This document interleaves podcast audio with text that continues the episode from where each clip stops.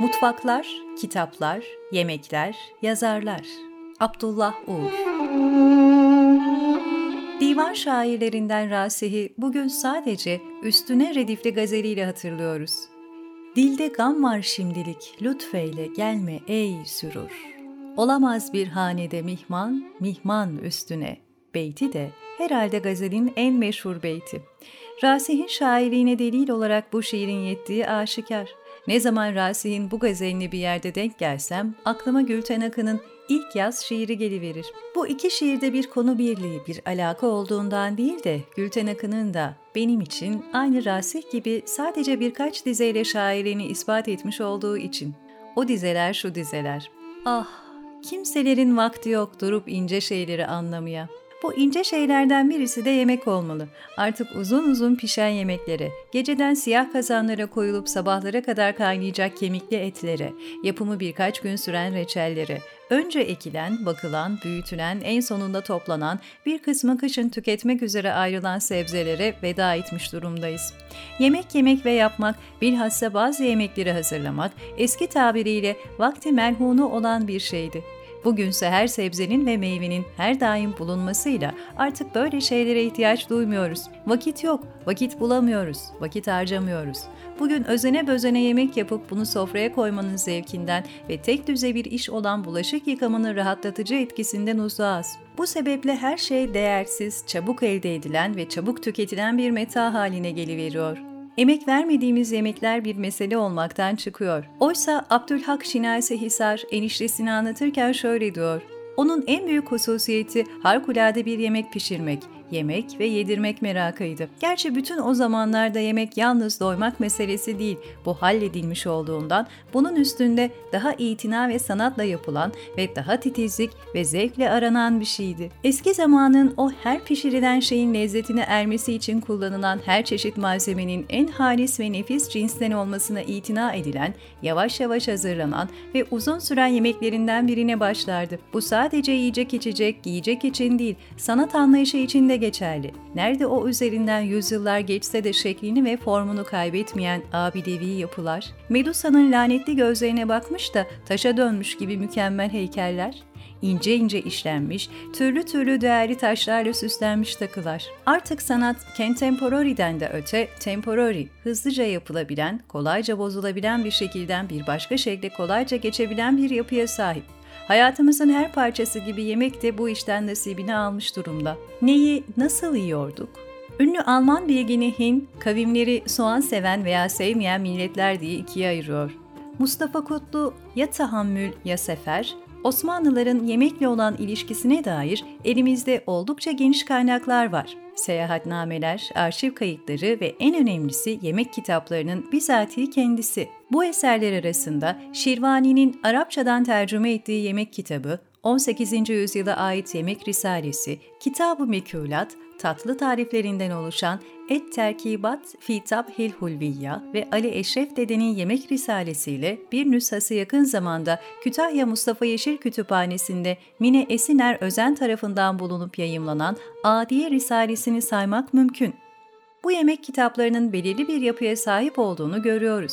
Genellikle 7 kısımdan oluşan bu eserlerin ilk kısmı çorbalara ayrılmış olup bu çorba bölümüne de nohut ap, nohut çorbasıyla başlıyor. Nohut çorbasıyla başlamasının sebebi ise Mevlana'nın meşhur eseri Mesnevisinde pişen nohutla onu pişiren hanım arasındaki alegorik hikayeden kaynaklanmaktadır. Mevlana'ya hürmeten yemek kitaplarının bu çorba tarifiyle başlaması adet olmuştur.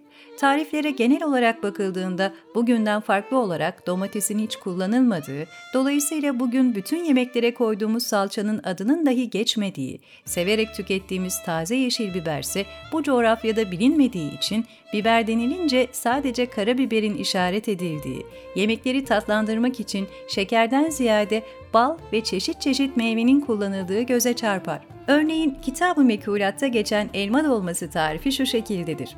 Semiz etten kıyma çekeler, elmayı getireler, içini oyalar, Kıymayı içine dolduralar, haranıya, kazana düzeler.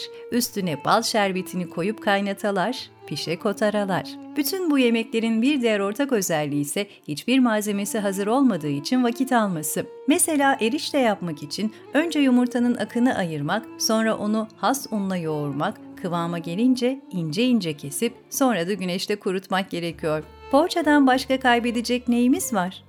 Merhum Süheyl Ünver, Türk kültüründe yemeğin sadece iki öğünden ibaret olduğunu, güçlü yapılan bir kahvaltıyla ikindi vakti yenen bir ana yemeğin dışında bir öğün olmadığını belirtmektedir. Bugün bu iki öğünden birini tatsız, hazır yağlarla yapılmış, işe yetişirken otobüste yahut masa başında bir çayla yenilen poğaçaya teslim etmiş bulunmaktayız.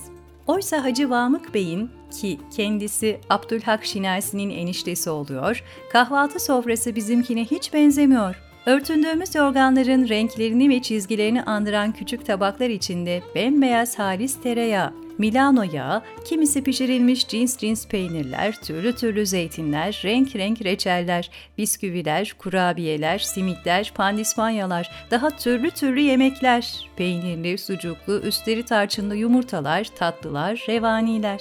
Mideye olduğu kadar göze de hitap eden sabah sofralarının kötü bir taklidini artık ayda bir pazar gidilebilen sıkış tıkış insan dolu açık büfelerde görebiliyoruz.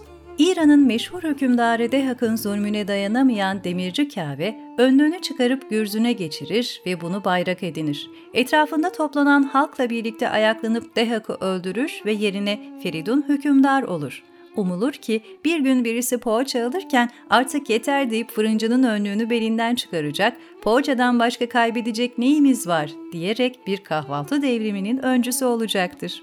Mekan değişince fakat mutfak daha apartmanların her şeyi aynı katın seviyesinde tutarak birleştiriveren laubaliliğine girmemiş ve evin bir nevi müstemlekesine benzeyen uzak selamlıkta aşçılara terk edilmiş bir yerdi. Abdülhak Şinasi Hisar'ın eniştesi Deli Orta Asya'da çadırlarda kalan ve çadırın ortasını hem aydınlanma hem ısınma hem de yemek pişirme yeri olarak kullanan atalarımızdan bir bakıma çok uzağız, bir bakıma onlara çok yakınız. Az önce de demiştim, tekrar diyeyim. Her şey hızlı değişiyor, sanatta ve bir şey olmak yetmiyor. Şöyle bir haber hatırlıyorum. Bu sene bilmem ne ödülünü ahşaptan yaptığı evi söküp sandal yapan, sonra nehre yaptığı sandalla girip inince tekrar ahşap ev şekline dönüştüren kişiye hediye ettiler. Aynı şekilde mutfakta artık sadece mutfak olamıyor. Eminim birçoğunuz o ev tadilatı yapan programları izliyorsunuzdur. İlk cümle her daim şu. Bu duvarı yıkıp ki mutfağın duvarını kastediyor, daha geniş bir mekan elde edeceğiz. Hatta bu cümle o kadar çok tekrar edildi ki South Park bir bölümünde bununla dalga geçti. Dizinin karakterlerinden Randy Marsh eşiyle birlikte White People Renovating Houses adlı bir program yaptı. Mutfak önceden evin bahçesine de taşabilen bir mekanken zamanla evin içine girdi, sonra gereksizleşip küçüldü. En sonunda salona bağlı bir şey olarak yaşamak zorunda kaldı. Sonuç olarak mutfak mahremiyetini kaybetti. Sofra başında bütün memleket yemeklerinin muhtelif unsurlarıyla bir sofra etrafında toplanmış olmuyor muydu? Dili Hacı Vamık Bey, Osmanlı'da özellikle saray sofralarının adabı bir takım sıkı kurallara bağlıydı. Fatih Sultan Mehmet'e kadar padişah erkanı ile birlikte yemek yerken Fatih bu usulü değiştirmiş. Sultanın tek başına yemek yemesi usulünü getirmiştir. Divanda yapılan toplantılarda da herkes kendi rütbesine göre yemek yiyordu. Bu kurallar adab-ı muaşeret kuralları adı altında kimi yasayla belirlenmiş, kimi ise örfe dayalı olarak ortaya çıkmıştı. Küçük ailelerin maddi durumları zayıf olanların bile bir sofrası ve bu sofrada uyulan kurallar vardı. Osmanlı'nın son döneminde batılılaşmayla birlikte birçok adab-ı muaşeret kitabı yayımlanmış, bu kitaplarda çatalın nasıl tutulacağından, sofra üstüne hangi mevsimde hangi renk örtünün serileceğine kadar birçok konu anlatılmıştır. Bu kitaplar arasında aile yemeklerinden bahseden tek eserse Abdullah Cevdet'in mükemmel ve resimli Adab-ı Muaşeret Rehberi adlı kitabıdır. Abdullah Cevdet bir aile yemeği için tek protokolün yani uyulacak tek kuralın muhabbet ve şefkate bulanmış bir hürmet olduğunu söylüyor. Aile içindeki sofralarda bu duygular içerisinden herkes teklifsizce istediğini yapabilir. Sonra edebiyatçılar içinde bir vazgeçilmezdi. Bunu iki yönlü olarak gözlemlemek mümkün. Eskiden şairlerin bir araya geldiği, birbirlerine şiirlerini okuduğu meclisler vardı. Bu meclisler genelde güzel havalarda mesire yerlerine giderek kurulur, herkes meşrebince yer içer, sabaha kadar meclis devam ederdi. Sonraki zamanlarda lokantalarda ve kahvehanelerde yazarların kendine özel masaları oldu. Aynı şekilde eserlerin de farklı farklı karakterleri bir araya getirmek ve tartışmak için de sofradan faydalandılar. Halit Ziya'nın meşhur romanı Mai ve Siyah'ın açılış cümlesi bu durumun güzel örneklerinden biridir. Sofranın çevresinde yedi kişiydiler. Müthiş yiyiciler. İtiraf ederim, bugün yemek yemek keyifli bir iş olmaktan çıktı. Refik Halit bunun en büyük müsebbiplerinden birinin ortaya bir karaciğer ve tansiyon korkusu salan tıp alemi olduğunu söylemekte oldukça haklı. Hayatın her alanında zevk ortadan kalkıp bir takım sınırlar, yapılmaması gerekenler ve uyulması gereken kurallar zamanını yaşıyoruz. Modern insan olarak da yalnızız. Yalnız olunca sofralar ve yemek tasvirleri edebiyattan çekiliverdi. Oysa yalnızızın besimi öyle mi?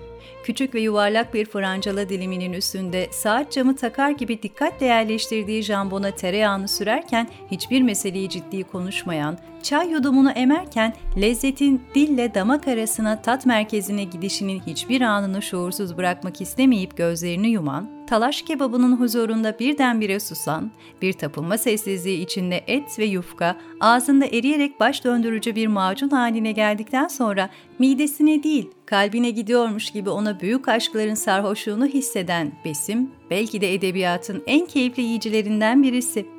Karakterler kadar yazarların kendileri de yemeğe sevdalıydı. Yahya Kemal Beyatlı'nın yemeğe olan merakı, Ahmet Haşim'in vefatına sebep olan domatesli pilav aşkı, Ahmet Rasim'in su ihtisası ve daha niceleri incelmiş bir zevkin göstergesiydi ve kendine edebi metinlerde yer bulabiliyordu. Tatlı niyetine.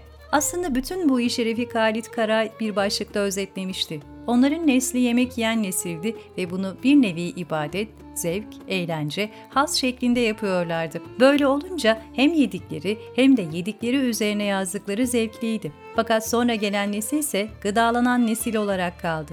Bu gıdalanan nesil için önemli olan şey yemeğin tadı, görüntüsü, hazırlanışı için geçirilen vakitten ziyade kaç kalori olduğu, hangi yemekle birlikte yenebileceği, ne kadar sağlıklı olduğu ve benzeri keyifsiz konular oluverdi. Onu yeme, buna dokunma, bundan uzak dur, bunu yiyeceksen sadece şu şekilde şu kadar ye, şundan bir avuçtan fazla yeme, bunu hiç tüketme derken yemek tarifleri ve yemek yazımı da keyifsiz, tatsız, tuzsuz oluverdi. Refik Halit Karay'ın mutfağa dair yazılarının toplandığı kitabın adı işi özetliyor. Mutfak zevkinin son günleri. Müzik